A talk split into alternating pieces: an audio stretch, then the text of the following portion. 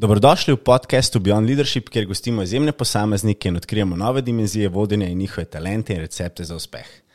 Eh, z menoj je danes ena zelo, zelo izjemna posameznica, ki ima ogromno, ogromno izkušenj. Jaz sem se zelo veselil, da pride na naš podcast. Tako da lepo pozdravljena, Daniela Brvar Kotolenko.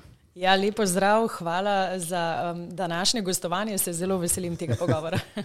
Zdaj, preden pokukamo v tvoje izjemne možgane in kariero, uh, bi te srd našim poslušalcem predstavil, tako da bojo vedeli, uh, koliko v bistvu si res dosegla, ker si res že zelo, zelo veliko. Pa jaz vem, da, da je to šele začetek. se pravi, ti si uh, ne samo, da si podjetnica, si tudi mentorica, cenjena predavateljica, avtorica. Se pravi, konec leta pride ena knjiga, tako da zdaj te držimo za besedo, ki se bo imenovala Podjetni um. Uh, si ustanoviteljica štirih podjetij ter investitorka. Um, pred kratkim si bila tudi partnerka v podjetju CorpoHub, si ustanoviteljica poslovnega združenja Business Intelligence Center in pa tudi direktorica. Si predsednica alumnega poslovne šole Kotruli v, v Sloveniji ter menedžerka te šole za Slovenijo. Uh, Bic je že sedem let uh, na trgu in ustvarja res izjemne osebine, tako da potem malo kasneje se bo tudi podala, um, kaj točno se delate. Si mojstrica poslovnega mreženja in povezovanja, inspiratorka in govornica, ter certificirana Lego Serious Play in pa Scrum Master, kar je, kar je noro. Um, si navdušenka nad agilnimi metodami dela in vidkimi inovacijami, ki se aktivno ukvarjajo z agilno transformacijo slovenskih korporacij. Tvoja posebnost pa je, pa jih deva kar naštet, agilno inovacijsko svetovanje, poslovni hakatoni, preoblikovanje podjetij v bolj gibčne inovativne voditelje, internacionalizacija poslovanja in poslovnih funkcij, razvoj poslovanja, mreženje podjetij in pa za direktorat za javni sektor Republike Slovenije izvajaš tudi, se pravi, ta elevator pitch, se pravi, prepričanje v minuti in prepričljivo nastopanje.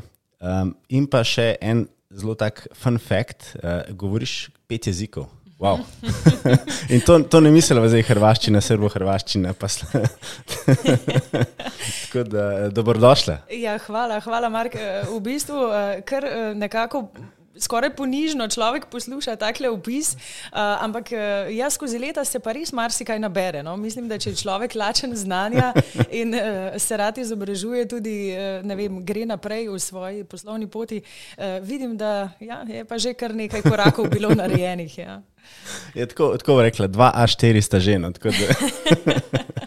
Pe, peva na moje prvo vprašanje in jaz zmeraj vprašam vse vas izjemne goste. Če bila mi dva sošolca, kakšna si bila v gimnaziji? Si bila že takrat, si rekla, jaz hočem biti podjetnica, jaz hočem inovirati, spreminjati svet. Hmm. Uh, predvsem, morda, morda grem še korak nazaj. Po, povedala ti bom, kakšna sem bila v srednji šoli. Uh, pa vendar, uh, kolikor me spomin nazaj ponese, povsem prva podjetniška izkušnja moja je bila, ko sem bila stara nekje okoli 7-8 let. Uh, takrat smo zbirali kinder jajčke, se spomniš, želvice, yeah, ja, happy ja, hippos, yeah. Ja, uh, to je bilo to. In nekega dne je mama prišla v sobo in rekla: Veš kaj, je rekla, zdaj, zdaj pa tako le. Uh, mi dva z bratom, tule imata sobo, soba je katastrofa, zdaj pa ali boste to pospravila, ali pa jaz vržem proč. In bolj jaz mojemu bratu rečem, veš kaj, ne, to pa škoda, ne, vreč proč, ne, koliko sta to dolg časa zbirala. In se nekaj, da je mi dva uh, iti v park. Uh, pa smo na eno klopco položila prtiček, zložila te happy hipose pa želvice gor in dala cene in pa so to začela prodajati na nekem mini, mini štantu. In uh, seveda, ne, vsak začetek je težak ne, in sva se drla tam, kupite, kupite. Uh, mogoče tudi kakšno prodala, ampak um, zgodilo se nam je to, da čez dva, tri dni so prišle babice z listki, se z nami, ki je pisalo, uh, manjka mi tisti z lubenico, uh, yeah, yeah. tisti z rožico, a imate tistega modrega. Yeah. No, in, in, in te zadeve so postale, sva prvič dobila ta. Um, To zvestobo strank, ne? in mi dva sva to med počitnicami prodajala, ne vem, vsaj en mesec, in to so babice hodile, redne stranke. Pa sva razširila portfelj na stara oblačila, na recimo domač kompot, polje mama doma že kuhala. Tako da sva si naredila v bistvu prvo neko tako trgovino, In takrat, to, to je moj prvi spomin, da sem z navdušenjem, takrat sem vzljubila to prodajo. In potem sem, če, če zdaj malo naredim tega fast forwarda ne, do, do uh, srednje šole, takrat sem pa pravzaprav na prvi šolski dan, ko sem šla v srednjo šolo, ko smo šli v šolo po potrdila, sem šla na študentski servis, še isto popovdne in odprla tisto knjižico študentska prosta dela in gledala, kje in kaj, zakaj se lahko pač prijavim.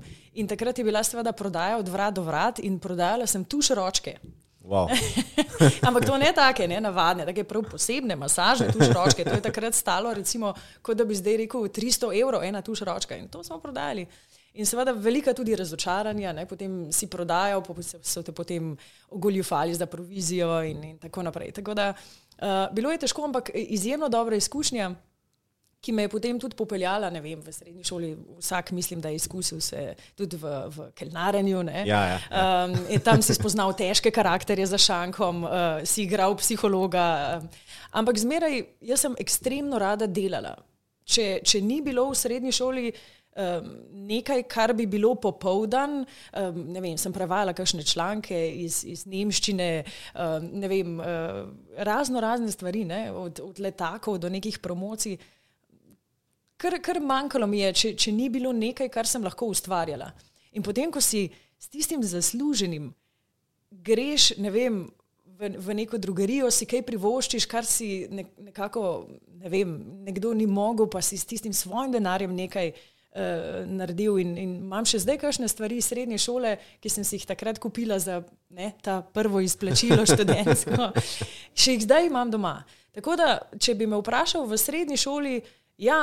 Um, Bila sem, bila sem oseba, ki je veliko drugih interesov imela poleg učnega procesa. Čeprav sem zmeraj bila tudi odlična, zelo, zelo sem resno imela šolo in tudi se, se veliko učila, tudi imela že fanta takrat in tako naprej. Ampak eh, ja, zmeraj je mogla biti ta akcija. Če, če, če je bilo preveč mirno, pa samo poletje, pa gremo na morje, po treh dneh na morju me je že kar razganjalo. To, kje, kje je tisto, da, da, da en teden nekje ležiš na neki plaži. To je, to je, Možgani so že snovali neke kampanje za jesen, kako bomo v diaški skupnosti ne vem kaj naredili, pa koncerte organizirali. Zdaj, morda tisti, ki me poznajo, tudi vejo, da uh, moja vem, strast eh, je, je tudi petje. Ne? Ukvarjala sem se veliko z glasbo, uh, tudi nastopala z Vladom Kreslinom še v, v srednji šoli. Tako da um, tudi veliko teh nastopov smo dali že v srednji šoli, čez, uh, tudi na velikih odrih. Tako da, ja, um, dinamično, predvsem, če bi bila tvoja sošolka, uh, bi bilo predvsem pestro in dinamično. In, zmeraj nekako, ne, in to je tudi moja osebnostna lastnost, um, zmeraj nekako sem bila, hote ali pa ne hote, vedno v nekem centru pozornosti. Ampak ne zato, da bi bila moja potreba, lejte me, pa jaz sem tukaj, pa jaz nastopam, se prezentiram, ampak eh, z drugega konca, ker sem vedno imela ambicijo. Um, nekaj, bodi si dati skupnosti, ne, bodi si skozi glasbo, skozi pesem, um, bodi si me gnala pač ta aktivnost. Pa povezovanje, verjete, ne si rada povezovala ljudi, zdržvala. Ja, to pa zmeraj, to pa, to pa že odnegdaj. Vedno, uh, a ti tega poznaš? Ne, lej, to je telefonska, dajte se povezati. To je, to je pa nekaj, kar, kar res, to, to pa počnem srcem. Ful dobro. Deva se dotakniti. Um, res imaš izjemno energijo in se ti vidi, da, da uh, sky's the limit, oziroma ne vem, kaj lahko rečemo, moon is the limit. um, da mi povej ob vseh teh tvojih različnih klubukih, um, ki jih imaš. Kakšen je tvoj, recimo, tipičen dan, kako se organiziraš? Si ti v nedeljo prepraviš plan za cel teden, imaš vsak dan, imaš mesečne plane. Da nam malo piš, kakšen je tvoj recept za uspeh? Um, Lahko bi rekla, da, je, da, je, da obstajata dve varianti, ne? uh, now and then, ne? recimo zdaj ali pa včasih. Uh, seveda, uh, morda ne Daniela, recimo pred družino in, in, in otroki, ne? je bila um, Daniela še, še bolj na steroidih, ne? se pravi, pač takrat je res, mislim, da pred, prednji imaš družino, otroke, je res en tak čas za, za kariero, ustvarjanje. Um, Spomnim se, da ko smo recimo še na Media Labu, ne, to je pač eh, firma, ki ima tudi ta ena dan pika si, ko smo to, ta startup eh, zagnali leta 2010, jaz se spomnim, mi smo tudi po 14-16 ur bili v pisarni, yeah. Ja. delali in nas je kar razganjali. In pol, pol vem, da smo recimo vem, zaključili ob enajstih zvečer uh, še s programerjem tam gledali, kako bomo portal postavili, pa smo pa kar šli ven, še malo zažurati, ne vem, v kakšnega topa ali pa cirkusa in pa smo prišli nazaj ob štirih zjutraj, ob devetih si spet bil v pisarni.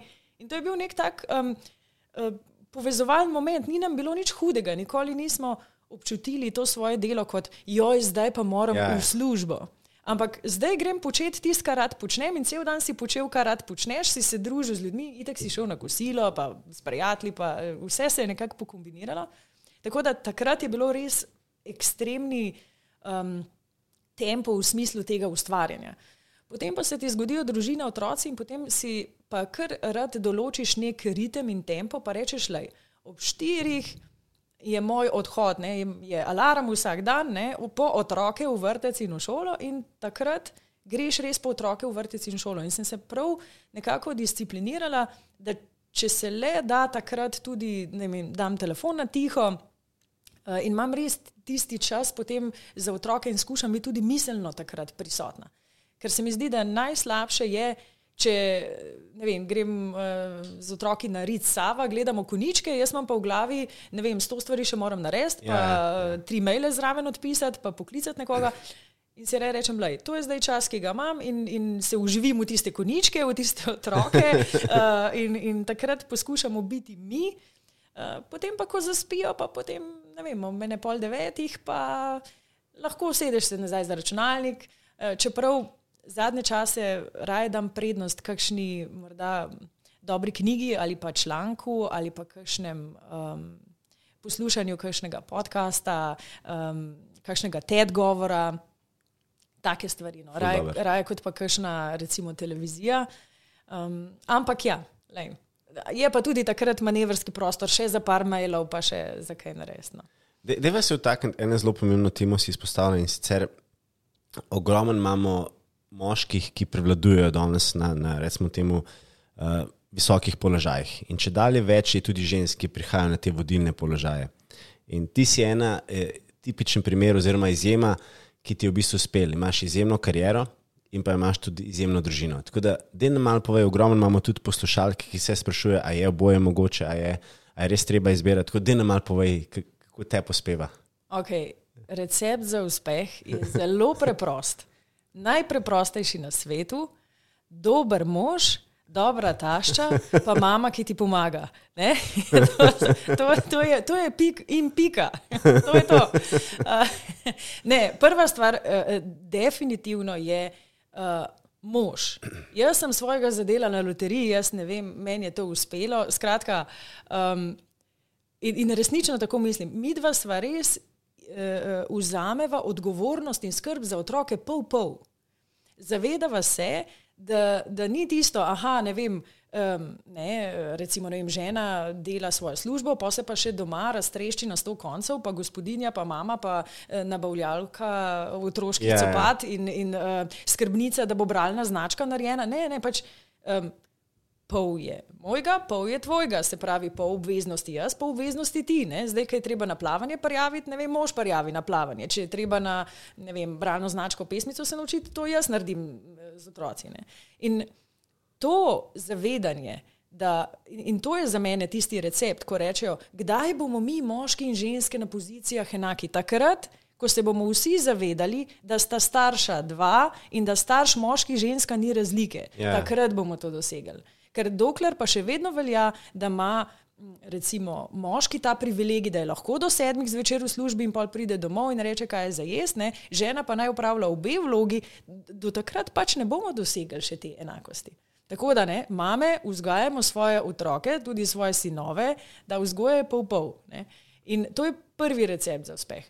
Da lahko ob štirih en dan en potegne mal na šihtu, drug dan drug potegne mal na šihtu. Ne. In potem Uh, otroci pa tako ali tako, ne, tisti, ki jih imamo, ne, vemo, da če sta dva starša zraven, ni fokusa na, na, na nikomor in potem otroci nagajajo. Ne. Če je starš ena na ena s tam malima, ne, pa potem jih nekam pelje, uh, je tudi več te pozornosti, več, več neke kvalitete. Imamo pa seveda tudi čas uh, skupaj, pa gremo na izlete. Um, tašča pa mama, pa tako ali tako veš. Le, ko so počitnice, ne, takrat, ali pa ko je treba iz, iz petka na soboto, malo kakšen tudi romantičen večer, ne, da malo tudi eh, gojiš partnerski odnos in tako naprej. Uh, in, in takrat, če kakšna mama ali pa tašča vzame za prespat, oba ta mala, je pa uh, pol čas za kakšno fino večerjo, pa masažo, ki je v kakšnem uh, tajskem salonu in tako naprej. No. no, dragi poslušalci, zdaj ste slišali, da je res je vse mogoče. Je, uh, tako da na koncu podcasta bomo dali tudi kontakt od Daniela, da vas lahko prepriča, pa da kaj še na potek, ne, ne se hecam. Um, Deva se še malo dotakniti zdaj. BIC, se pravi Business Intelligence Center, sedem let že obstaja, izjemna, izjemna stvar, ogromno vsebine in je en večjih povezovalcev v slovenskem poslovnem prostoru. Da nam mal povej še, kakšni so cilji, kako je prišlo do tega, kaj počnete za tiste, ki še ne poznajo. Ja, pri Bicu je podobna zgodba, kot je recimo tvoja uh, z Beyond Leadershipom. Ne? Ti si v bistvu to želel ustvariti uh, s tem, da povezuješ okoli neke tematike, nek community. Uh, Bic je v bistvu nastal um, idejno, ko sem še bila na, na Media Labu oziroma na ena na dan.si, so ustanoviteljca. Um, takrat sem nekako začutila, da pa slovenski prostor pravzaprav nima nekega stičišča, nekega mreženskega centra za, za ta SME segment. In kar se mi je dogajalo, je, da takrat še LinkedIn tudi ni bil v takem razmahu. To zdaj govorimo, seveda, ne, se vemo, kje je bilo to vse skupaj, enih sedem let nazaj. Uh, in, in takrat se še nihče niti ni odzival na neka LinkedIn povabila, pravzaprav res. In pomembno je bilo, koga si poznal, da si lahko, da te en drugemu nekaj priporočal. In jaz sem dne, na dnevni bazi takrat dobivala um, neke, neke prošnje, joj, Daniela, da je ti, ki poznaš veliko ljudi, da me ti poveži s tem, pa rabam tega. In, in pa sem jaz to povezovala in na neki točki je to preraslo že v neko obveznost. In sem rekla, um, Zdaj pa dost, ne, na tej točki lepo prosim, evo, ustanovim Business Intelligence Center, center za povezovanje SME podjetnikov, uh, tukaj so networking eventi, tukaj so srečanja, tukaj so dogodki, evo, tukaj imate, zdaj pa se pomrešte. Sej, se, seveda sem bila še pač ta vezni člen, ampak iz te potrebe je nastalo. Dober, in, in sem rekla, zakaj pa ne, eh, če me vsi neki sprašujejo, zakaj pa se ne bi ti, ki sprašujejo, skupaj dobili, se, se dogovorili, se povezali. In tako smo tudi neke simbolične eh, članarine takrat zaštartali kot nek um, poslovni klub. Um, čez, skozi leta je pa seveda biti rasel ne, in se tudi odzival na določene razpise, uh, delal je tudi različne projekte. Vmes uh, je seveda se zgodila tudi moja druga porodniška, uh, tako da za tisti čas uh, je tudi uh, BIC vodila Staša Mlekuš, kasneje Irena Grofelnik, um, krasne osebe, ki so tudi BIC speljale v teh časih kot, eh, kot eh, članice oziroma predsednice upravnega odbora za tudi programske vsebine. Um, tako da dodajalo pa se je vedno več. Ne? Tudi recimo Bici je delal poslovne heketone, um, delal je razne projekte na področju inovacij, inovativnosti. In tako smo tudi to področje pol eh, s časoma krepili. Vmes se je potem zgodil tudi Korpohab, kjer smo te stvari popeljali še na višji nivo. Uh, Ampak zdaj pa mislim, da je čas tudi na bicu zgraditi zadeve naprej, ne? predvsem v smeri um, ne samo poslovne skupnosti, ampak tudi um, raznih ostalih um, dejavnosti, ki jih je bic že imel prej, tudi izobraževalnih, da tudi v tem področju. Um, gremo naprej. Top, jaz se že veselim in vem, da, da, se, da že vsi nestrpno pričakujemo. Deva se vtaknem še enega pomembnega vprašanja in sicer konec leta, to, to te držimo za besedo, uh, bo išla tvoja knjiga Podjetnium. Jaz res upam, Mark. Jaz upam in uh, na svoji um, urednici zatrjujem to vsak mesec. in uh, Petra, draga, hvala, da me budriš in me cukaš za rokav.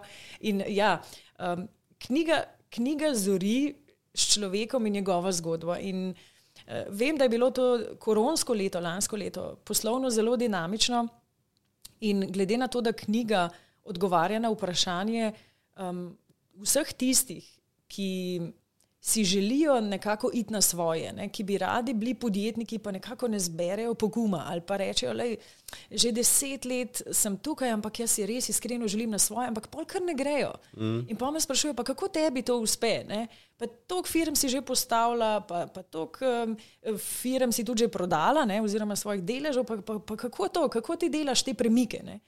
In sem rekla, nič. Um, očitno je spet neka potreba ne, na trgu, kjer pač lahko z nekimi svojimi informacijami, izkušnjami pač dam um, neke upoglede v to, kako ti pa to uspe, kako pa res narediš te premike.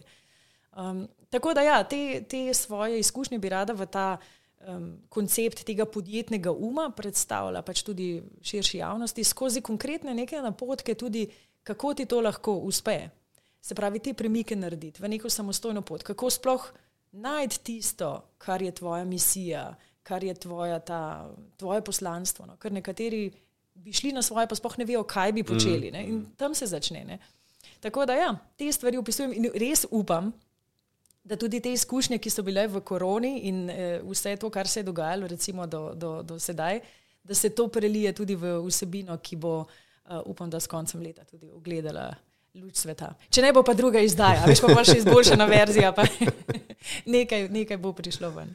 Ti, pa, kaj, kaj bi pa rekla, da je nek, uh, vem, da, da noč vas je razkrit, uh, ker knjiga bo um, res ogromen insightov dala, ampak kaj bi pa rekla, da pa je nek, recimo, minimum, ki ga rabiš, da postaneš podjetnik, poleg ideje, pa mogoče strasti. Je, kaj bi še recimo lahko izpostavila, da je? Ja, e, e, jaz bi rekla, ena stvar e, gotovo zaznamuje um, ta podjetniški um. um. Ena izmed prvih stvari je seveda pač to, ta radovednost, raziskovanje, uh, to, da, da da, da nekaj res čutiš, da, da čutiš neko svoje poslanstvo. Ne? Recimo te eh, moje kinderjajčke že na začetku. Yeah. Ja, ja. To, da, da kar vsak dan se zjutraj zbudiš in, in, in že razmišljaš, da je super, danes bomo pa želvice zložili, pa bomo uh, cene malo drugače nastavili, pa bomo še nekaj drugega. Da kar uh, to, to, ta kreativa, ne? da, da kar se zaljubiš v nekaj, te kar žene. Ne? To je najprej ta impuls, mora najprej priti. Najslabše je, če nekdo reče, jaz pa bi šel v podjetništvo, ne vem, sam zaradi denarja, ker oni fajn zaslužijo. Tvoj cilj ne, ne more nikoli biti denar. Absolutno. Ja. Ker uh, kaj, pa boš, mislim, ker denarja ti nihče ne bo dal za nič. Um, razen, če nisi kakšen ta piramidni guru, pa um, narediš kakšno goljofijo. Ampak se mi zdi, da najprej se moraš v neki zaljubiti, najprej moraš reči, ne vem, aha, kinder jajčke, ne? in potem pač iz tega narediš eh, sicer takrat našo ne, otroško zgodbo. Ampak uh, Tako da ta inspiracija, raziskovanje, potem pa terja to seveda veliko poguma. Uh, jaz sem imela že večkrat v življenju, ne, sej, ne vem, mogoče eni rečejo, ja, pa si neka serijska podjetnica, ampak jaz bi sebe bolj okarakterizirala s tem, da bi rekla, uh, jaz sem graditelj. Se pravi, uh, jaz moram postavljati poslovne koncepte, jaz občutim en tak prijeten adrenalin. Um, ko je nek nov koncept, ki ga je zdaj treba zgraditi, postaviti, lansirati. Ne. Potem pa tudi sebe poznam, da izvajanje tega, pa ta kontinuiteta, tam pa raje prepustim potem drugim. In njimi tudi težko tega prepustiti, ker vem, da so pa tam mogoče drugi potem dobri, da mhm. zgodbo peljajo v neko konstanto. Um, da jaz lahko pa potem tudi gradim nekaj novega ali pa širim in tako naprej. In ta pogum je lahko maker ali pa breaker v tem, ali boš ti šel na neko svojo pot ali pa ne. Uh, maker ne, mogoče v tem kontekstu zato, ker če zbereš pogum in greš na svojo pot, tvegaš, seveda tvegaš. Ne? Ampak imaš potem možnost, da ti uspe. Če pa niti tega poguma ne zbereš, da narediš nov korak, potem pa nikamor se ne premakneš, potem pa stagniraš. In seveda stagniraš zaradi te psihološke cone obdobja, v kateri si in rečeš, ah, super, to je moja topla vodica, tukaj se počutim varno, imam čas za hobije, za ne vem, karkoli. Ne? In potem ti je to kar nekako ok, ampak tukaj ne doživiš tega napredka, ja. ne miselnega, eh, intelektualnega, niti na vseh drugih področjih. Ne? In šele takrat, ko, ko te mal stiska, pa boli, pa mal, ko, ko, ko si nesiguren, pa mal veš, da tvegaš, pa te kar strah, ne? in to ne mal strah, orang te je strah, ne? ker to so življenjska vprašanja, s katerimi eh, se soočaš. Šele takrat doživiš napredek, šele takrat rasteš. Ampak telo je pa takrat v fight ali pa, ali pa flight um, Ja, ja, ja. modaliteti. Ne? In ti se, ali se boš zdaj, telo se začne boriti proti, proti tvojim možganom. Ne? Uh, zdaj sem pa jaz v stresu, ni mi fajn, uh, slabo se počutim, ne, fizično, um, ker telo ne razume, da imaš ti neke više cilje, pa ambicije, ne, telo samo hoče priti v stanje mirovanja nazaj. In seveda, ne, pol smo pod stresom, smo živčni, ne spimo. To je tisto, ne, ko podjetniki rečejo, ne prespane noči, pa preden sem jaz do uspeha prišel tista. Um, Telo tiste ledene gore, Ja, ja, ja. vršiček se pa vidi, polk je uspeh. Ne. Ampak tisti ne, telo ledene gore je, ti se boriš sam proti sebi, da, da ne ostaješ v coni obdobja in, obdobju in greš kontra sebi vsakič, ko delaš poslovne premike. In to moraš znati premagati. In to marsikdo pač ne. Reče, le, zakaj pa jaz zdaj, zakaj pa jaz nekam silim, ker se ne počutim dobro, le raj ne bom. Raj sem v coni obdobja, se mi ni tako hudo. In sam sebe začneš prepričevati, da sej tukaj v tem, ko si, niti ni tako slabo in potem ne greš naprej. Varnost. Da, Ja. ja, varnost ne? in ta pogum zbrati je najtežje. In tukaj zagotovo pomagajo um, prijemi, kako sam sebe skozi en tak miselni proces usmerjati. Jaz si vedno, kadarkoli začutim, da moram iti naprej, jaz si narišem en tak miselni vzorec, um, napišem si, v čem sem dobra. Um, kaj so tiste moje kompetence, uh, v kaj me vleče, um, kako lahko s tem nekako naredim en tak poslovni model in si kar mal narišem in potem me nekako usmeri v to uh, pot. Mm, Potem, recimo, druga stvar, ki mi zadnje čase tudi ogromno pomaga, je tudi coaching. Coaching, da, ti, da te nekdo z pravimi vprašanji, tvoj miselni mm. tok, da ti na glasi ene stvari sam sebi poveš. Um, coaching dela res čudeže. Se strinjam. Ja. to je ena taka stvar, ki, ki res, jaz mislim, da bi mogel vsak usvojiti te veščine in da če bi drug drugemu bili boljši coachi, bi vsi veliko več poslovnih premikov delali. Se strinjam. De- Deva se vtakniti še, še ene zelo pomembne teme in sicer ti imaš ogromen stika tudi z korporacijami, ker inovirate, spreminjate kulturo in tako naprej. Kako bi pa rekla, da zdaj lansko leto marca je prišla pandemija, ogromno podjetij je bilo v krču, niso vedeli, kako, kako naprej. In zdaj za preboj naprej ponovadi rabaš tudi uh, neko mero inovacij, kreativnosti, brainstorminga, team buildinga. Kako bi pa rekla, oziroma kaj bi bil tvoj nasvet eh, in kaj so bili tvoji nasveti tem večjim korporacijam, kako se tega lotiti, kako v bistvu držati neko kulturo nadaljavo, skrbeti, da je še zmeraj kreativna, da inovira. No, zgodba je zelo zanimiva. Um, namreč mislim, da moraš tudi imeti malo, malo sreče pri vsem, pri vsem skupaj. Um, spomnim se, da lani za časa Valentinovega smo bili uh, z eno prijateljico, tudi poslovno partnerko na kosilu in ona meni, meni reče, veš kaj, Daniela, um, a vi to malo kaj ti, uh, a veš, vodenje skupin nadaljavo, to, a te veščine ti to, kaj imaš v svojem portfelju, pa jaz rečem, ja, lej, um, ravno tudi eno certifikacijo nameravam zaključiti na tem področju in ono, super, viš, to bi bilo zdaj fajn. Nič nismo vedeli, o nobeni pandemiji ni bilo še takrat govora. In ravno ta splet okoliščin je nanesel, da sem jaz zaključila ravno v tistem hipu, ko se je pandemija začela, eno uh, mednarodno certificiranje za uh, leading remote teams. Ne? Se pravi, pač kako delati s temi ekipami nadaljavo. In ko je bila najava, evo zdaj pa prva karantena, lockdown, smo dejansko mi z ekipo bili pripravljeni, ker seveda pač eh, preneseš tudi to znanje v svojo ekipo in mi smo to zelo sistematično tudi naredili. In takrat dejansko je celotna naša ekipa imela te kompetence, te veščine in smo tudi interno jih natrenirali. In pa smo rekli, gledaj, ravno se je poklopilo to eno z drugim. Seveda, podjetja so takrat eh, vsa bila v šoku, takrat je samo padalo. Je. Vse, vse to, kar smo imeli mm, z različnimi našimi slovenskimi podjetji, kot treninge, izobraževanje in tako naprej, vse je kar bilo cancelled, cancelled, cancelled. cancelled in se, to, kar, Ja. kar, kar podirale so se domine in mi smo najprej začudeno gledali. Ne. Ampak potem Lej, če, če si skrben gospodar, imaš tudi sredstva na zalogi in, in veš, da boš preživel tudi nekaj mesecev brez nekih prihodkov in da boš poskrbel za celotno ekipo. Seveda to ne, ni, ni bil tak izziv, tudi ga nismo tako občutili, ampak rekli pa smo, da je zdaj tem našim strankam, ki so zveste stranke, da jim pa ponuditi, da se z njimi dobimo. Vem, eno uro na Zoomu, na Teamsih. Um, in jim malo povemo, kako se to dela. In vem, da smo takrat investirali skoraj mesec in pol časa, da smo za nek venček naših strank, ker vseh v tako kratkem času tako ali tako ni bilo mogoče, ampak smo jim ponudili kar za ston. Smo rekli, gledaj, um, ne vem, je bila kakšna uprava banke, smo rekli, lejte, ne, kar eno uro gremo za ston gor, vam bomo pokazali malo tips and tricks, pa online okolje, pa pogledajmo malo funkcionalnosti teh platform.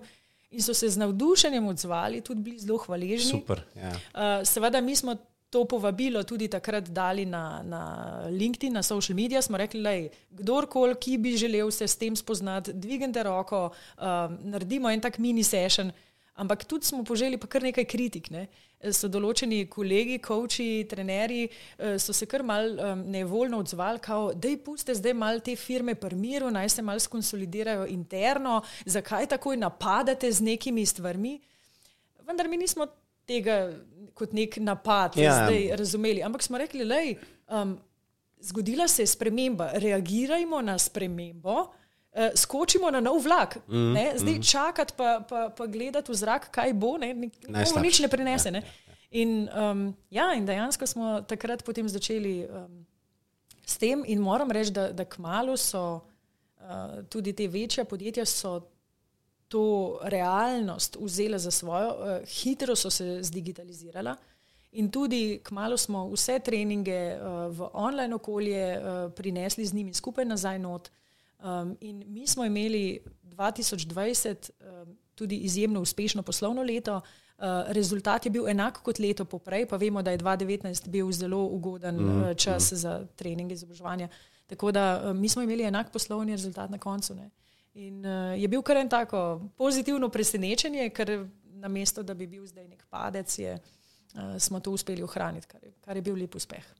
Super, čestitam. Hvala. um, ti si naredila že dva exita in sicer en je Media Lab in en je Corpohub. Uh mhm. -huh. In ponovadi ljudje zmer, uh, ko se pogovarjamo, ko gledamo karijere, rečemo, da je pa že vem, celo življenje v tem podjetju ali pa da je pa že več kot deset let. Uh, Um, ti greš pa v bistvu čist kontra smeri. Jaz sem tudi načeloma oseba, ki je tudi že kar nekaj služb zamenjala. Uh, pa ne, da ne bi bil zvest, ampak absolutno imam ogromno energije in strasti, da bi še, še veliko dosegel. Um, tako da, da nam malo povej, ti si zdaj naredila že dva exita v svoji karieri, kar je izjemno. Kako ti gledaš na to? Zdaj, se pravi, ogromno oseb, ki so celo življenje v eni službi in si gradijo kariero, potem je ogromno oseb, ki imajo radi izzive. Kako, kako ti gledaš na to? Ja, sej vsi vemo, s čim smo bili več ali manj v zibelku položeni. Ne? V slovenskem prostoru bi se marsikdo, ki je tudi veliko v tujini, strinjal z dejstvom, da je ta mentaliteta, se pravi, starši rečejo, da se učiš, greš v šolo, narediš fakulteto, da boš imel dobro službo in da v tej službi tudi si, imaš varnost, stabilnost in tako naprej. Ne? In recimo že naša generacija staršev, to so bile prakse, da tam, kamor si šel v službo, si do konca življenja tam bil. Ne? In ni bilo nekih sprememb, si bil čuden, če si službo menjal. Um, potem pa, če pa človek deluje v mednarodnem okolju, ne? jaz sem tudi recimo MBA delala v tujini, eh, sem tudi um, veliko uh, bila v tujini. In tudi, kot sam veš, ne izkušnje iz Amerike, tam si pa čuden, če imaš eno podjetje 20 let, pa te vsako vpraša, zakaj pa to še nisi prodal, ali pa ne vem, kaj, a, a, si, a, si, a si šel zdaj na borzo, ali kaj se je zgodilo. Če, če si preveč v nekem um, statusu quo, je, je že čudno. Ja, ja. V Sloveniji pa, um, če recimo vem, zgradiš neko podjetje, pa ga recimo vem, po štirih, petih letih prodaš ali pa prodaš svoj delež, je že tako, zakaj pa? Ne, to je kar, kar malo že. Um, kaj, uh, ja, ja, kaj, kaj pa je bilo? In, in rečeš, ne, ni, nič ni bilo, ne, ampak v Ameriki, če vem, po petih letih prodaš svoj delež, je to absolutno nekaj normalnega, ne? v Sloveniji pa še vedno uh, to, joj, ne. Um, čestitke, bravo, ne, eh, čestitke za pogum. Ja, Meni men se pa zdi, da se ni to toliko povezano z nekim pogumom, je vezano na ambicijo. Um, ljudje se spreminjamo, naše, mm. naše želje, ambicije se spreminjajo. In To je tako, kot da bi ti rekel, ne vem, aha, zdaj pečem pice, ampak ful si želim sladolede delati, ampak ne sej v pica biznisu mi je v bistvu čist lušten, ampak vsak večer sanjam o unem sladolednici. Ne, ne? In zdaj Ja, lahko pa rečeš, ok, ne, super, lej, um, pizzerijo bom prodal, ker bi rad res začel sladolede delati in, in greš na novo. Ampak ljudje občudujejo ta pogum, da postavljaš vse nekaj zdaj znova, da greš spet na novo pot. O, kako boš to zmogel, ker, ker ni mogoče malo uh, te mentalitete ali pa tudi ne morda toliko znanja. Mm. Ali pa, wow, to pa zdaj res ogromnega truda zahteva, da zdaj to vse nekaj postaviš, pa greš na neko novo pot.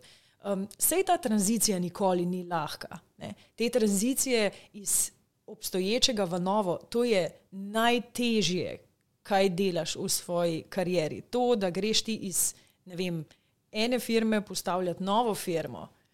Um, zdaj, ko jaz to govorim, se slišimo, da ja, je to of cake. Ne, to, to tri tedne, tri tedne uh, si, si čist. Uh, paf, zvečer se znojiš, švicaš, eh, kličeš prijatelje, a sem se prav odločila. Ja, ja. Uh, ne vem, mama te ima že. Ne, Ponkuvar, že 14 dni težiš v tem, pa uh, razlagaš o nekih planih, pa te vsi, ja, pa se bo dobro. To, to v bistvu uh, je, je proces, ki ga moraš da čez in, in je ekstremno težek. In, in, in to je lahko včasih tisti, tista prelomna točka, ki pa vržeš puško v koruzo, pa rečeš, ne, ne, ne, dobro, sem je ok, kot sem. Sam, mm to enostavno, to moraš da čez. Zato vsak podjetnik ki reče, veš, se ti vidiš sam lepo, ne, tistega spodi pa ne, ne. Zato, ker eh, podjetniki ne radi delijo te izkušnje, kako pa je, ko si na tisti strani, ko ne spiš, ko švicaš, ko se bojiš za svojo eksistenco, pa ne vem, a bom zaslužil, a pa kaj pa če delam napako, take pomisleke. Ne. In tega, tega ni malo. To je, to je grozljivo, ampak pač, če greš čez, um, je pa nagrada zelo velika se strinjam in transformacije, oziroma vsake te izzivi te, te zelo pojačajo. Deva se dotakniti prav teh izzivov, ker, ker to me blazno fascinira. Ker, tako kot si že omenila, ogromno, kad se pogovarjamo, oziroma vidimo, da Daniela je pa že dva eksita naredila, pa tam je postavila to, pa tam je direktorica, pa tam je uh, vodi ta to stvar. Ne vidimo pa v bistvu vseh teh neprespanih noči. Tudi jaz uh, ne bom nikoli pozabil, ker sem prvič dobil odpoved v Ameriki, mislim, sem bil 22 let star In je bilo tako, wow, sem se rekel, wow, to je pa je bil tako zelo šok za me, da, da, da sem dobil v bistvu odpoved. Um, in v bistvu vsaka taka stvar, sprememba me je zelo jačala in sem se ogromno naučil. Tako da, da mi malo povejte, uh, kaj je v bistvu res vse potrebno, kaj so bili kakšni izzivi, ki si, jih, ti, um, uh, ki si jih opazil na svoji karieri, če lahko še nekaj deliš. No? Um, ena stvar, ki je fascinantna, je, da vsakič začutim, kdaj bo sprememba. In pri meni je to takrat, kadar to, ta, ta preblisk pride, kar tako, nenadoma. Ko se začne spraševati, hmm, kaj, kaj pa v bistvu, kaj bom pa, kaj bom pa čez, čez, recimo, čez pet let, K, kako bo pa takrat, a bo, a, a bo takrat kaj drugače. Že ko dobim te misli, vidim, da nekaj se mi dogaja, nimam dovolj te. Eh, te eh, stimulacije. Ne? In zdaj, če si oseba kot jaz, jaz sem po definiciji, ne, oziroma zdaj pač skozi leta, ko kar se spremljam, jaz sem res ta graditelj. In če meni zmanjka uh, ne, te gradnje, ne, to, kot ko da si gradbinec, ti postaviš hišo in pol, ko je neka lepa hiša, jo gledaš. In pol, ko jo gledaš, ti je zdaj dolg čas, ne? ti moš novo zgraditi, ker ti si graditelj, ti nisi yeah. Ja. občudovalec lepe hiše. Ker, ampak eni pa so, pa nič narobe. Ne? Eni so tisti, ki ki imajo lepo hišo in oni jo zdaj lepo rihtajajo, tako kot da je hiša podjetje, recimo, in, in, in skrbiš za uh, inventar, skrbiš za ljudi, ki so notar. Ne? In zdaj, če si pa ti graditelj, pa ti postavljaš hiše in če si ti v eni fazi, ko si. Ko zdaj začneš z interjerjem ukvarjati, pa z vsem tem, ne, uh, to nisi več ti, ti moraš graditi. In če ne moreš narediti še enega nadstreška ali pa še dveh balkonov zraven, yeah. ali pa če ne moreš narediti še zadaj vrtne ute in tako, če ne gradiš okoli te hiše, če te možnosti ni, potem moraš iti in ustvarjati nekje druge. Ne? In če, če sebe poznaš v tem kontekstu, potem veš, da, da, da, da, da te to žene, da je to tista tvoja misija. Eni to razumejo, eni tega ne razumejo, pa, pa tudi nikoli ne bojo, ampak ne smemo se nič obsojati. Pač moramo vedeti, da tudi v, v startupih so tako. Mm. Graditelj je vedno na začetku startupa, ki ga postavi. Ko pa potem pride do neke točke, neke konstantne rasti, so pa tukaj menedžeri, ki pa uživajo v tem, da to vodijo naprej. In tu smo si različni. In zato pač podjetja v vsaki fazi rabijo določen tip ljudi. Mm. Zdaj zamišljaj si, da imaš samo podjetje, ki že od začetka gradi uh, v samo tistih menedžerjih, ki znajo pelati konstanto. Ne? Tisti, ki zna pelati konstanto, nikoli ne bo dober tisti inicijator, ja, tisti pušer ja, na ja, začetku. Ja. In, in vice versa, ne? tisti, ki je graditelj, ne, pa vzpostavljalec, nikoli ne bo za tisto konstanto dobro skrbel, ker ni tak tip. In tako da, vedno, ko mi pridejo te misli, ne, okay, kaj še lahko naredimo, kaj lahko zgradimo, ko rabim ta izziv, vem, da je čas, da se pač nekaj novega postavi. Je pa res, da kot, kot si že sam opažal, in tudi ko si me na začetku najavil, ko sem brala vse te opise, z leti se ti res veliko nekega znanja, certifikatov, funkcij, podjetij, titul se ti nabere. Ne? In nekdo pač lahko tudi reče, ok, pa sej ti si nek tak univerzalec, pa, pa kar vse, pa kako imaš čas za vse. Če bi se res nekdo poglobil, vidi, da je vse to povezano.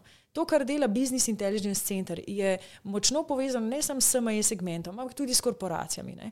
To, kar delam s korporacijami, je močno povezano na drugi strani tudi z SME, mm, ker so tam mm. ene sinergije.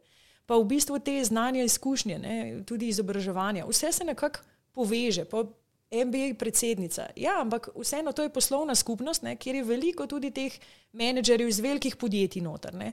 Hkrati tudi tistih, ki so podjetniki. Tako da spet, ne, bic, cel krok. Uh, spet ja. cel krok se naredi in se vse vrti v bistvu okoli tega networka, izobraževanja, uh, tega komunitija, okoli te podjetnosti. Um, in, in, in nekako ta krok je sklenjen. Tako da jaz ne vidim, da počnem sto stvari, ampak jaz počnem. Um, recimo kot, kot nek ta ne, krovni, krov, kot nek krovni center, kjer se vse pač to notar dogaja. In to je ok in da neko tako fino okolje tudi za vse deležnike. Zdaj, omenila si tudi startupe. In tudi jaz sem kar, kar opet v, v zadnjem obdobju v, v startupe, ker delam za, za sklad. Da mi povem, ti, ti tudi v bistvu učiš in predavaš, se pravi, o elevator pitchu. Kaj bi pa ti rekla, da je v bistvu ta prvi ta. Um, Oziroma, kako naučiti startup, da zna pripraviti dober elevator pitch, ker to ponovadi govorimo o minuti, se pravi, se nekdo pelje s tabo dvigalo in tisto minuto ima, da te prepriča, da mu daš vizitko. ja, sej, um, v bistvu je to ena taka um, umetnost. Seveda, če si, če si prezenten, če si na takih funkcijah, tudi v okviru, ne vem, bica, tudi v okviru funkcij odprej. Um, veliko stojiš na odru, si tudi na različnih marketinških konferencah, pa si gost, pa si vem, v Sloveniji, v tujini. In tudi, ko sem sama pripravljala, recimo, TEDx govor, ne, uh, nekako vidiš, da pravzaprav občinstvo moraš nekaj znati dati. Če samo govoriš, veš, jaz sem pa to naredil, pa to postavil, ne daš pa nobene izkušnje, ali pa uh, se najprej vprašaš, kaj, zakaj bi ti mene, ne, elevator, piš, zakaj bi me ti eno minuto poslušal? Ne, what's in it for me, ampak what's in it for you. Yeah. Ja. Ne, pravi, um, zakaj bi bil tvoj čas, ali pa tudi, ne vem, če imaš petminutni pič, ne, to je eh, današnje čase za mno, mno, mnoge ljudi bolj realno kot pa eno minuto. Ne. Tudi v petih minutah, zakaj bi nekdo namenil pet minut svojega življenja za to, da bi te poslušal? In izhajati iz tega, zmeraj narediš dober pič. Seveda je fino potem tudi razviti neko zgodbo, neko rdečo nit, uh, poznati storytelling, persone, uh, kako oblikovati, kako, kako sploh oblikovati svojo persono v svoji zgodbi, ne? kako narediti ta dramatizacijski učinek od začetka do konca, da, da povežeš to minuto ali pa pet minut. Da ima to nek uh, smisel, rep in glavo, in da tudi uh, um, držiš to pozornost svojega poslušalca na nekem nivoju. To je kar ena taka mala umetnost in mal spominja na veščine, pa ne me zdaj narobe razumeti, stand-up komika. Um, ampak ne zato, da bi iz sebe ne, ali pa iz drugih norca bril na odru, ampak zato v tej skrbni pripravi tiči ključ. Mm.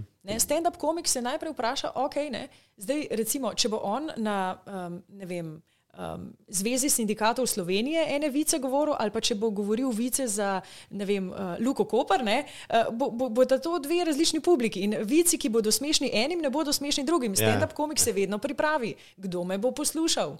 Ne? Če ve, da ima v City teatru, bo vedel, da je splošna množica, se pravi, bojo vici o ženah, o možeh, o otrocih, pa o vem, domačih živalih, pa mogoče še v kakšnih manjšinah in ha, ha, ha, to bo smešno, yeah, ja, ja, ker je to splošni humor. Zdaj, Če se pa pripraviš, če pa veš, kdo te posluša, pa sporočila nameniš tej osebi re, oziroma tej množici in se tudi vprašaš, okay, kaj jim jaz lahko dam, zakaj me bodo poslušali, kaj bojo ključni mesiči za njih. In ko iz tega izhajaš, narediš dobro zgodbo. In to ne velja tudi samo za pič, ampak tudi za katero koli predstavitev, nastop in tako naprej. Pa še to, da zelo verjameš v to, kar govoriš. Če bi jaz zdaj sedela tukaj, pa bi govorila o nekih stvarih, ki me sploh ne zanimajo, pa bi govorila na silo, to se vidi se čuti, in sliši ja, ja, ja. in čuti tudi čez mikrofon. Um, tako da, ja, verjameš in, in če z veseljem in z nekim zagonom o tem tudi govoriš, um, dodaš pa še tisto češnjico na torti.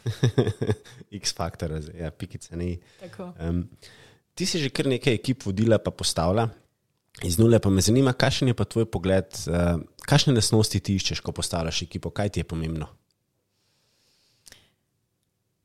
Do sedaj je bilo zelo zanimivo, uh, kaj ti moja podjetniška pot je šla zmeraj skozi nek tak uh, bootstrapping princip. Ne? Se pravi, začneš postavljati uh, neko ekipo, ki ti organsko raste. In zdaj, če pogledam, recimo, ne vem, čisto neke te začetke, že ko sem postavljala podružnico uh, slovenske, uh, se pravi, Hrvaške poslovne šole kot Ruli Business School v Sloveniji.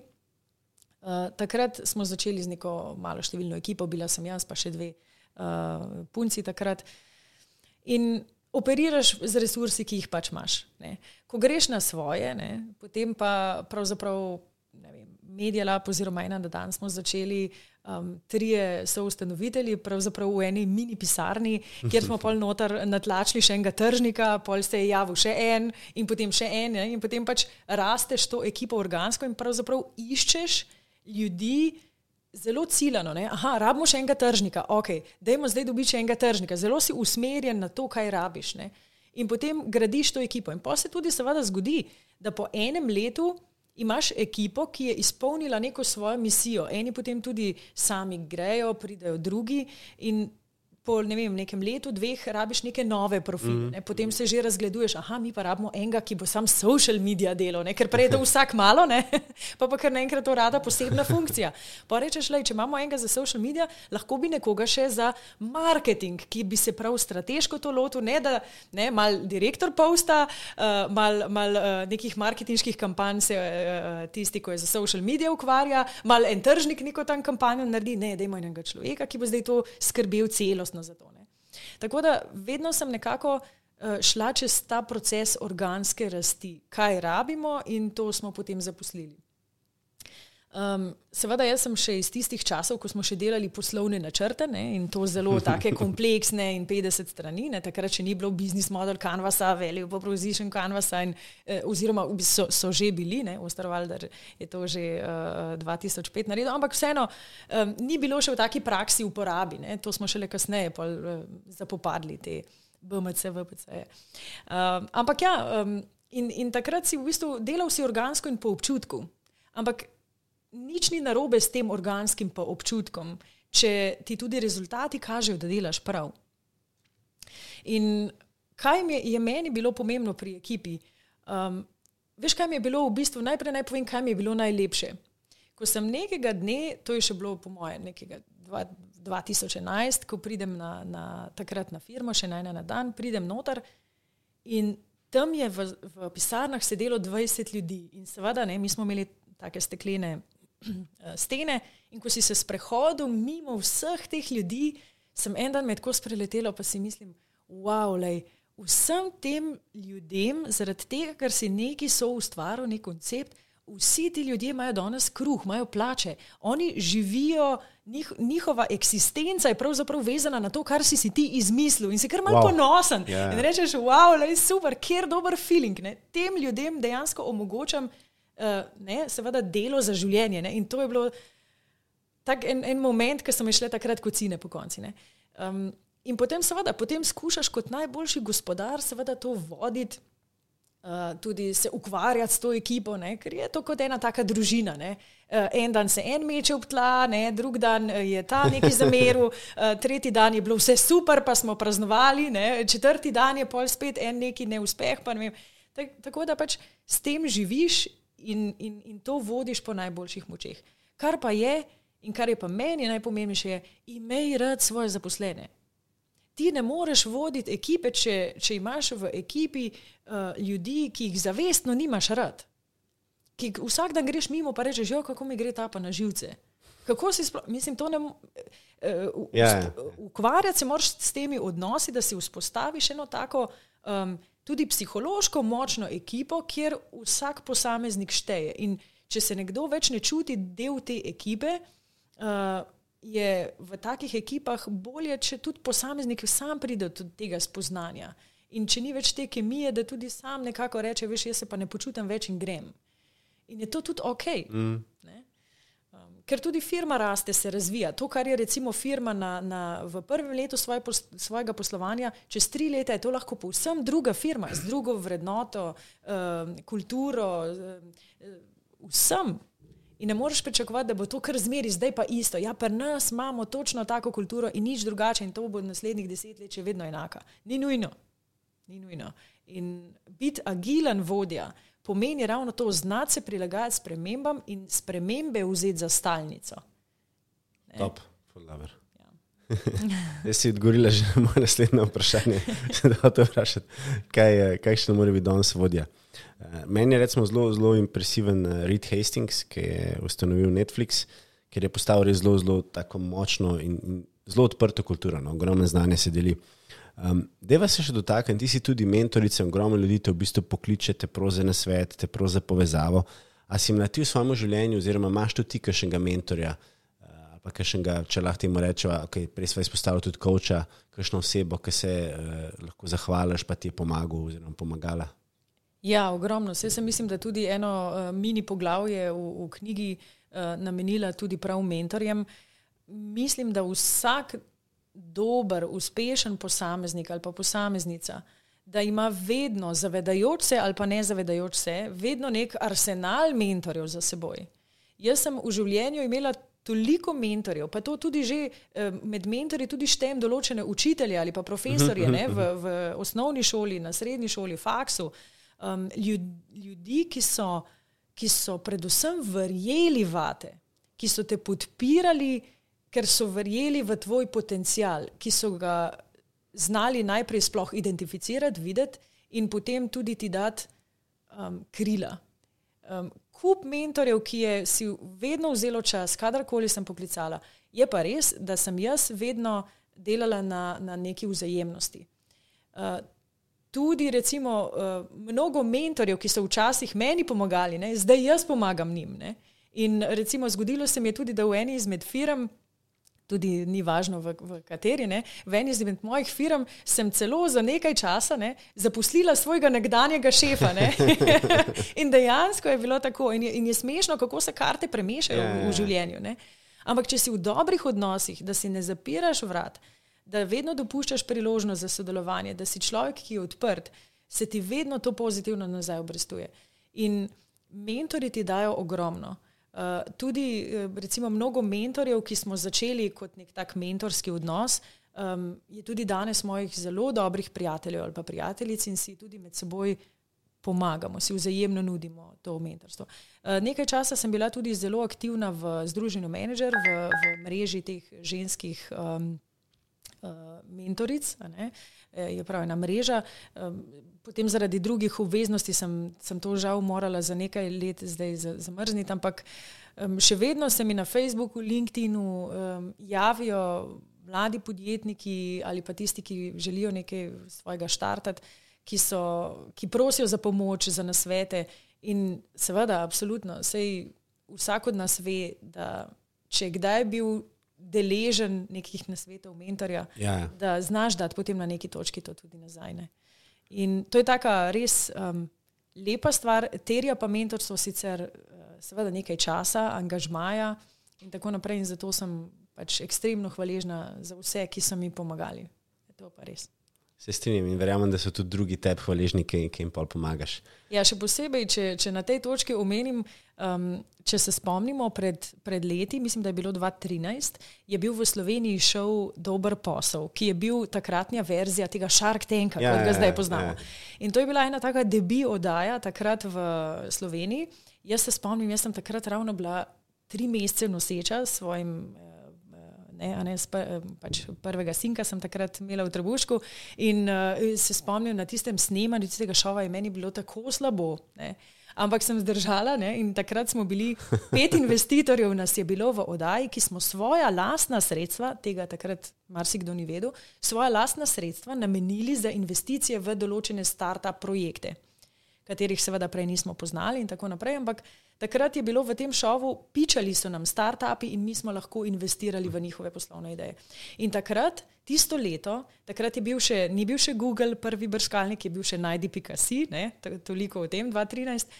Na najdi.si sem takrat bila v gospodarstvu med najbolj, oziroma sem bila kar na prvem mestu, najbolj iskano ime tistega leta wow. uh, po, po, po rankingu najdi.si. In potem lahko si predstavljaš, koliko ljudi mi je pisalo takrat. Joj, eh, videl sem vas v vodaji, imam nek poslovni model, da bi si ga ogledala, mislite, da ima potencial. In dejansko, ne, sem tudi z enimi parimi se spomnil, še v Sputniku smo se na kavi dobili, pa, pa tako naprej. Pa sem jim skušala dati svoje insajte in, in jih čelenžirati malo, ne izvati v teh njihovih poslovnih idejah. Ampak. Um, hitro ugotoviš, da ne moreš biti tudi na vseh ja. koncih. Ne? Zato pač poskušaš po najboljših močeh drugim pomagati. Ampak zato sem pa rekla, da bo zdaj pride knjiga, kjer bo vse to not napisan in uh, to bo tudi konec leta.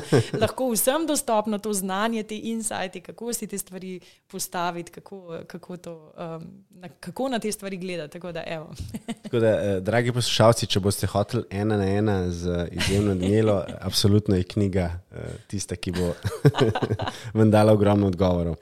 Deva se še dotakniti ene še, še zelo pomembne teme in sicer danes je čas zelo hiter, ogromna digitalizacija vse pospešila, zelo hitro se vse odvija, praktično smo zelo upeti, work-life balance je precej zamegljen. Tako da me zanima, kako pa ti recimo poskrbiš za svoj stres? Kaj, kaj so tvoji stres releaserji? Oh, ena stvar, um, ki jo lahko res vsakomur priporočam, in uh, katere se je tudi zelo držal naš uh, nekdani predsednik, ne, um, gospod Arnovšek, je knjiga Martina Kojca Učbenik življenja. Uh, o tej knjigi sem že slišala marsikaj, tudi marsikdaj mi je prišlo na uho, pa nekako ni bilo nikoli časa ali pa volje te, tega prebrati. Uh, ta knjiga je bila za mene kar en tak menik, kar tak en game changer. Eh, in mi je dala drugo perspektivo na življenje, pogled na to, kaj je v življenju resnično pomembno in kaj ne. Um, ta knjiga, pa tudi potem, seveda, ker, ker mi je ta filozofija, ne, ki je malo zenovska, uh, ki me je navdušila, mi je dala eno tako zelo dobro podlago, zakaj se v življenju splača sekirati in zakaj ne. ne. In potem vidiš, da v bistvu tega um, negativnega stresa, ki je tak samo uničujoč stres, ne, tega se znebiš. In to je tako lepo odkritje in spoznanje, da pravzaprav vidiš, um, da kadar si v takem stresu, kadar, kadar veš, da je enostavno vsega preveč, rečeš, ok, sprejmeš to situacijo, tudi rečeš, ok, zdaj sem na svoji najnižji točki, ne, zdaj, sem, zdaj sem res pod stresom, res mi ne gre dobro, ampak ne, to se dogaja zdaj z nekim namenom. Ne? In to je ta rek, ne, po vsakem dežju posije sonce. Mm -hmm. In to je ta filozofija, čeprav je to tako guljen stavek. Je pa to resnice noter. In da veš, da to vse, kar se ti negativno zdaj dogaja, iz tega se bo nekaj zgodilo, ker očitno nekaj ti je namenjeno, neko spoznanje, eh, neka učna izkušnja, ki se bo iz tega rodila. In če tega nizkega momenta ni, potem tudi ni tega spoznanja, tega lepega. In potem se kar mal nehaš sekirati, pa samo uničevati, ampak se pravzaprav veseliš tistega, kar sledi. Mm.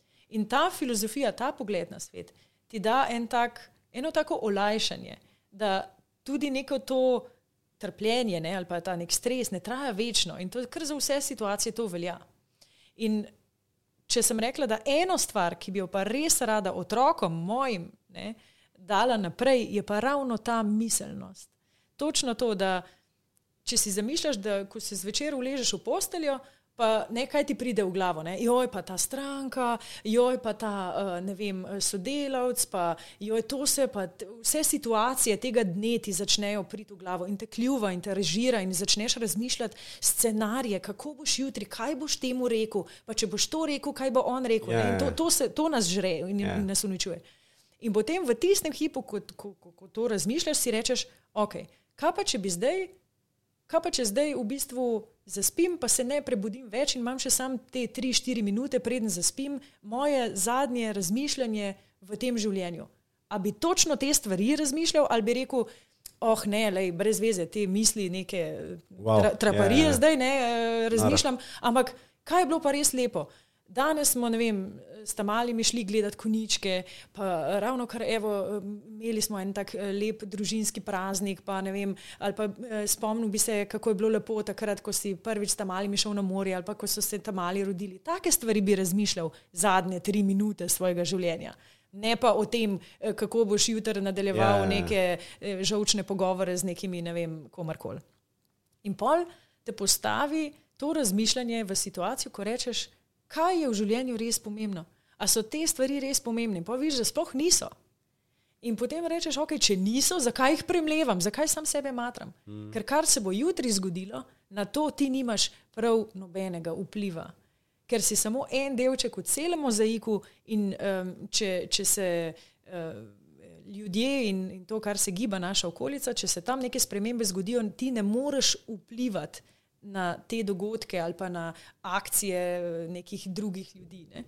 In ko to vidiš, se v bistvu rečeš, da kar bo jutri na nekih pogajanjih, bo jutri.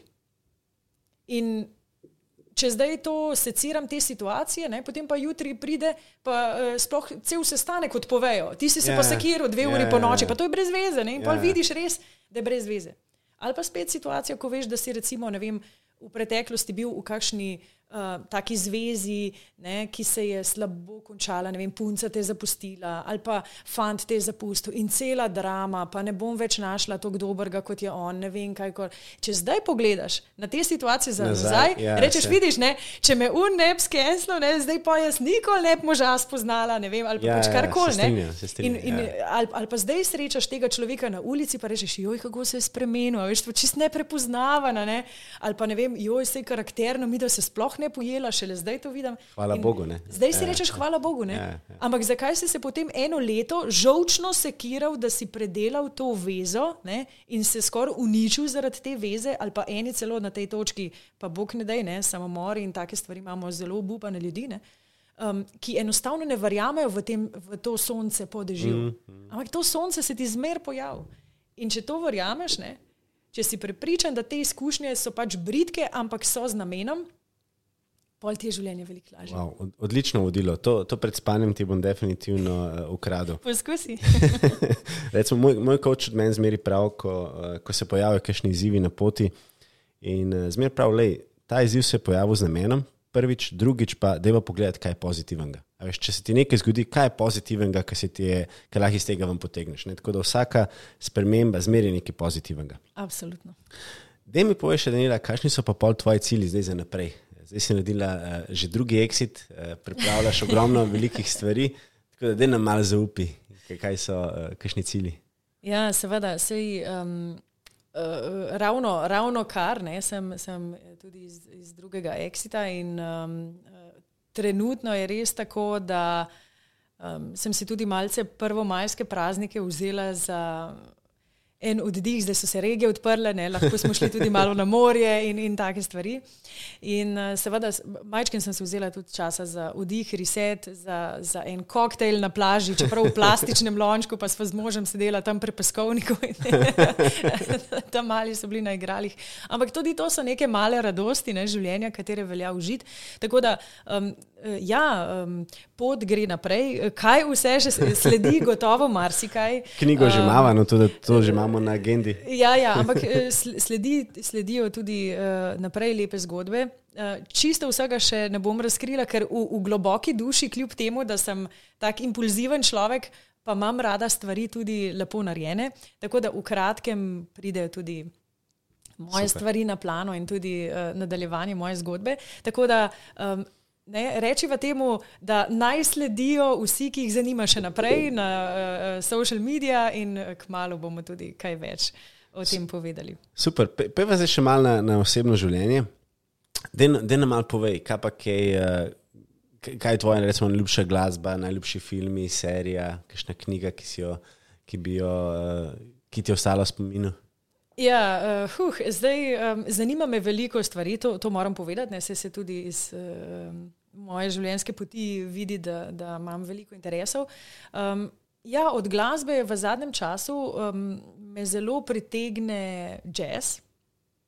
Uh, tudi uh, sama sem napisala nekaj uh, jazz komadov, oziroma uh, en jazz komad, pa en blues komad, uh, ki smo ga tudi še pred korono z enim mini bendom tudi um, uresničili, udejanili. Uh, imam tudi na svojem skrivnem YouTube profilu posnetek tega nastopa, malo včasih, da je tudi kaj objavim na Facebooku.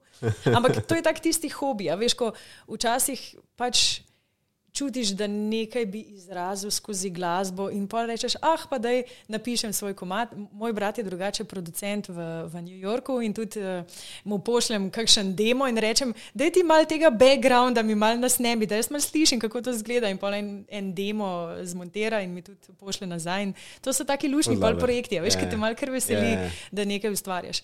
Um, tako da ta, no, ta, ta jazz, pa vse te jazz dive. Um, s temi svojimi glasovi. To je nekaj neverjetnega, kar bi poslušala. Ne? Pa tudi, recimo, fascinantno, ne? od Merlin Monroe pa do Eta James in tako naprej. Ne?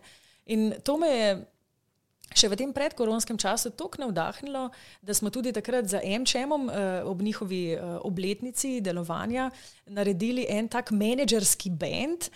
Mm, in smo, ja, ja, to je eh, še, še bil um, Golob Macele, pa uh, še ostali ne, iz teh, mogoče bomo rekli, teh večjih slovenskih uh, podjetij, ne, različni, različni uh, menedžeri.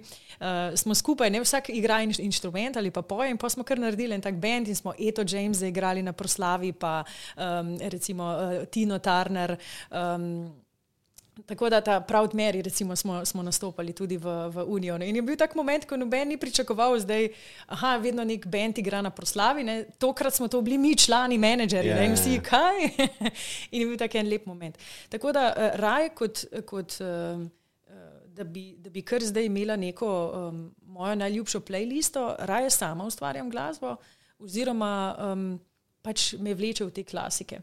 Kar se tiče pa knjige, filmi, literatura, zdaj, kar se filmov tiče, sem zadnje čase zelo slaba, prvič zato, ker nimam časa tega gledati, um, ker, ker res nek, nekje ti pa more zmanjka časa. Um, pa še zato, ker um, moja dva otroka sta štiri pa osem in podnapise uh, na Netflixu to še ne gre prebrati. Uh, gledamo pol, ne vem uh, Charlie and the Chocolate Factory, yeah. ne z Johnny Deppom, in potem seveda jaz moram interpretirati podnapise v angleščini, v slovenščino, da ta mala dva razumeta. In uh, pol je vedno mami, mami, a boš povedala film. Ne? In to pomeni, yeah. da gledamo in da jaz govorim, kaj oni govorijo. Uživate v tem, tako da uh, vprašaj me o otroškem filmskem repertoarju, vem vse. Uh, tak, tako da zdaj ostalo pač uh, ni toliko časa. Kar se tiče pa knjig in literature, to pa, to pa moram povedati, da uh, Um, to me je pa ekipa v, v Korpohabu mal um, spodbodla v, v to branje knjig, ker po dveh porodniških uh, je ta zadnja stvar, ki si jo želiš ob devetih zvečer vzeti knjigo v roke, ne, ker od dojenja in od vsega tega imaš polno glavo in, in si rečeš, lej, ne, zdaj pa sem, da malo odklopim, pa uh, strokovna literatura je ta zadnja, kaj bi takrat v roke prijel. Ampak vidiš, ne, da pa z neko disciplino, pa vsak dan eno mini poglavje, pa tudi, tudi gre. Ja, ja, ja. In uh, tako da. Ja, zadnje čase res veliko berem, predvsem um, navduševal me je coaching, tako da v coachingu sem uh, lani veliko brala različne literature, zdaj, če bi naštevala, je to gotovo skupinski coaching, individualni ja, ja. coaching, leadership coaching, recimo Fearless feed, Feedback je ena taka dobra knjiga, ki sem jo tudi uh, prebrala. Um, Potem pa seveda, ja, lej, eh, karkoli se mi popoldan utrne, pa si rečem, aha, zadnjič sem hotel malo več eh, prebrati recimo o, o OKR-ih in sem rekel, aha, OKRs, pa sem šla na TEDx, pa na TED, ne, pa, pa vtipkala noter OKRs in pa, pa vidiš, pač dobiš neke fajne govore, yeah, topike yeah, yeah. in potem zvečer zlagam perilo ne, uh, in imam laptop pred seboj in gledam pač tisti TED in, in poslušam o OKR-ih. In se mi zdi, ja, bi šla dodana vrednost ne, ob zlaganju perila še uh, strokovna vsebina. In, um, ampak se vedno držim tega, da si na koncu naredim zapiske. Najslabše je nekaj gledati, potem pa pač gledati ogromno količino nekih stvari, ne ostane ti pa nič. To imam eno kar tako tabelico, v katero si dam noter aha, eh, naslov, ne, katerega sem poslušala, avtorja, link do te povezave ali pa pač ne vem. naredim print screen, če je kakšne iz knjige ali pa eh, kakšni slajdi. Um, in mogoče je štiri, pet ključnih teh ha. Vsebin, ki so se me dotaknile. Super. Ker pol, um, ne malo krat. Pa si postavljal neko vlogo, kot, kot te en povabi, da prideš nekam nekaj povedati. Pa rečeš, ali se to pa sem takrat slišal, pa odpreš malo tisto svojo tabelico, malo pogledaš, kje si že to slišal, kaj je bilo, malo svežiš spomin. E, taka fina stvar. No. E, to je kar ena taka lepa rutina, Mor, moraš pa biti dosleden no, pri teh stvarih. Zdaj pa še eno izmed pomembnejših vprašanj, kaj pa hrana, najljubša, kaj, kaj rade ješ? Uh, ja, jaz mislim, da razen, razen vampov, pa še te bi, ne, če bi iz vljudnosti na kakšnem obisku, pri kakšni starejši gospe to dobila na krožnik. Razen vampov bo eni stvari, ki je ne maram.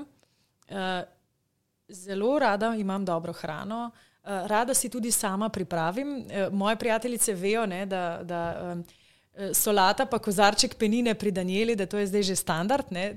In, in to res te, te solate, res to pripravljam si zelo rada in tudi v različnih variantah. Ampak ja, tudi zelo ljubiteljica kakšnega tudi dobrega kosa mesa. Tako da ja, pri hrani res nisem izbirčen človek. No? Um, če me ne povabiš, pa rečeš, a se pustiš presenetiti, rečem, absolutno ja. Ne, in kakšni obiski, a ješ to, a ješ to, jem vse. Top, kaj pa najljubše aplikacije? Wow, aplikacije. Uh, um, moram reči, da zadnje čase kar mal, mal čistim telefon in brišem dol tiste, tiste aplikacije, ki jih ne uporabljam. Um, lej, zadnje čase, tako ali tako veš, to delo nadaljavo in tako naprej. V, v v tem kontekstu je zdaj veliko aplikacij in tudi orodij, ki so kot pripomočki za delo nadaljavo, pa za skupinsko um, sodelovanje in tako naprej. Tako da la, torej, lansko leto je bilo za me v znamenju predvsem odkrivanja aplikacij za uh, timsko sodelovanje. Um, tako da to v veliki meri zdaj za neko privat uh, zabavo. Le, jaz mislim, da se več ali manj držim pri teh aplikacijah bolj neke klasike. Um, čeprav zelo verjamem v digitalizacijo, tudi verjamem v te hibridne time, vodenje nadaljavo, vse te stvari zelo verjamem in tudi platforme, ki to omogočajo.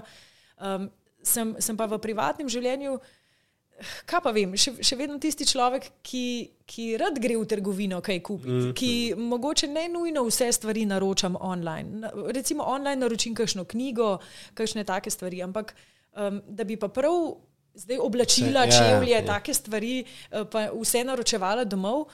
Um, rada vseeno imam ta stik. Jaz sem tudi ta oseba, kjer moj mož je vedno živčen, ki eh, klepetam pol s prodajalko. Ne? Pa je dobro, pa a, zdaj pa moraš vse glih povedati. Pa jaz pa ja, le, to je moment, ne? to imaš odnos s človekom. Ne? Še vseeno rada pridem, nekaj doživim tudi primem v roke, ker vseeno mislim, da ljudje smo le socialna bitja. Ne? Čisto Absolutno. vse preko ja. ekrana, eh, tudi mislim, da ni povsem zdravo za naše odnose, za, za to našo človeško bit. No. Super. Kaj bi pa rekla, kdo je pa kakšen podjetnik, ki, je, ki ga spremljaš ali pa ti ima za ozor? Lahko je to tuji ali pa slovenski. Wow, tukaj jih je veliko. Uh, v Sloveniji, huh, kar težko bi bilo zdaj s prstom pokazati na, na, na prav nekoga. Veš kaj, pravzaprav občudujem vsakogar, ki, ki dela s strastjo.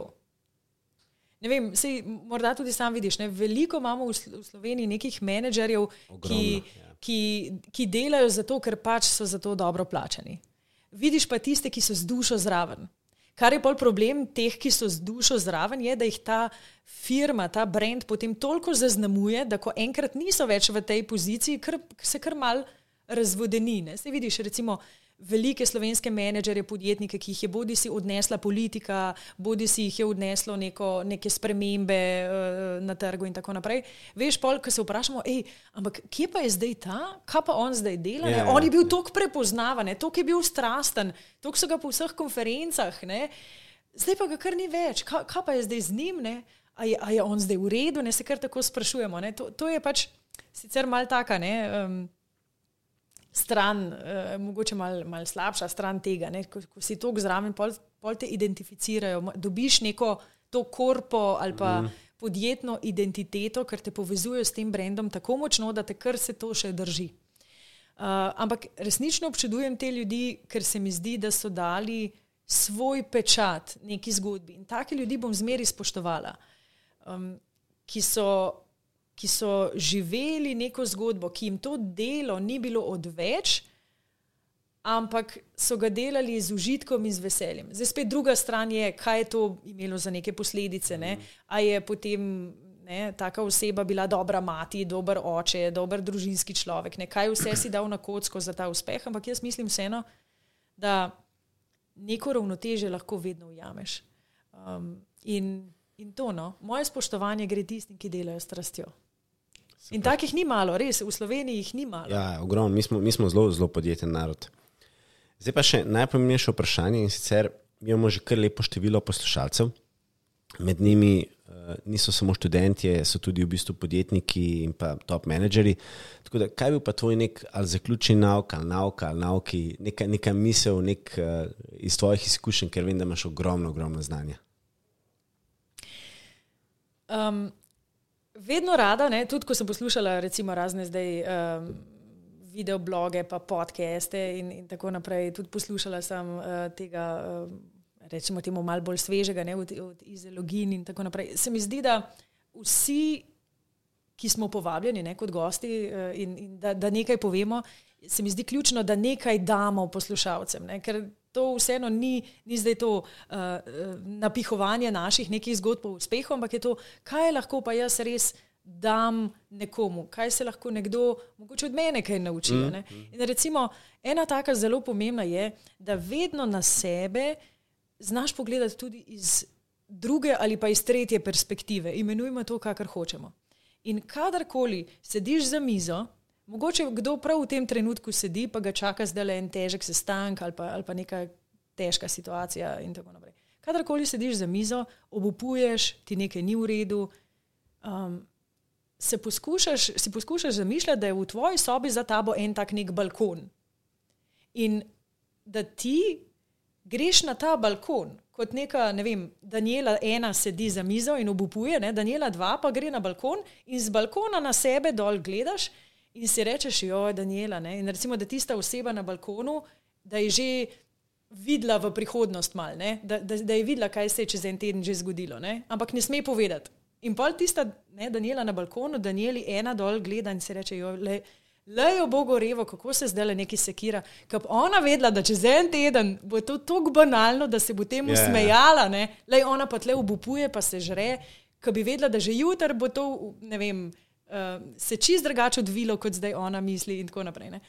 In da tista oseba, ne, kot ti, kot vem, Daniela dva na balkonu, da sam sebi postaneš mal prijatelj ne pa uničevalec. Ker tvoja prijateljica tebe nikoli ne, ne bi rekla: Jo, Daniela, da še mečken se pojoki, no, da je kar še mal obupuj. Uh, eh, da je polka uštečna, pa če do moža, pa se še z njim skregaj, no, kar še mal, da je pa ne bo še on tečen, pa bojo še otroci nagajali. Ne, ne reče ti tega, prijateljica. Prijatelj se reče, uh, lej, ok, zber se skup, kaj lahko ti zdaj narediš, a lahko kaj, um, da je poskušaj razmišljati, kaj pa bo lahko boljš, kaj bo pa lahko dober zdaj iz tega, ok, potega nekaj pozitivnega, ne, zdaj ven. Ne. To bi ti prijateljica svetovala. Ne.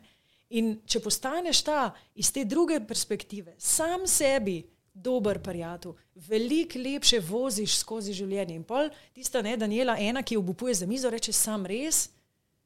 Dej, kaman, ne, ne, ne morem zdaj to ja, tako neki ukvarjati. Dej, dejmo, dejmo se zdaj pa v roke vzeti, dejmo razmisliti pozitivni mindset, ok, kaj lahko naredim. In, in to mislim, da je en tak, ta druga perspektiva, ne? sam sebi biti prijatelj. To so meni bili taki pomembni uh, premiki v življenju. In potem se res nehaš sekirati, nehaš se uničevati. Uh, Marsikdaj ti to tudi lahko kakšne anksioznosti, depresije um, prepreči, ne tak pogled. Super. Uh, zdaj, dragi poslušalci, um, da boste še enkrat vedeli, z nami je bila izjemna Daniela Brvar Kotolenko, uh, ki je mentorica, podjetnica, uh, cenjena predavateljica, hmalo tudi avtorica. Uh, In pa ustanoviteljica štirih podjetij, ter tudi izjemna investitorka. Tako da, Daniela, jaz bi se ti še enkrat zahvalil, res izjemna energija, reči, ogromno znanja, tako da jaz uh, verjamem, da te bom še v prihodnosti še enkrat povabil, tako da upam, da si boš vzela čas, da greva še, še kakšne teme raziskovati skupaj. Odlično, najlepša hvala, bilo mi je res v čast in v veselje. Hvala.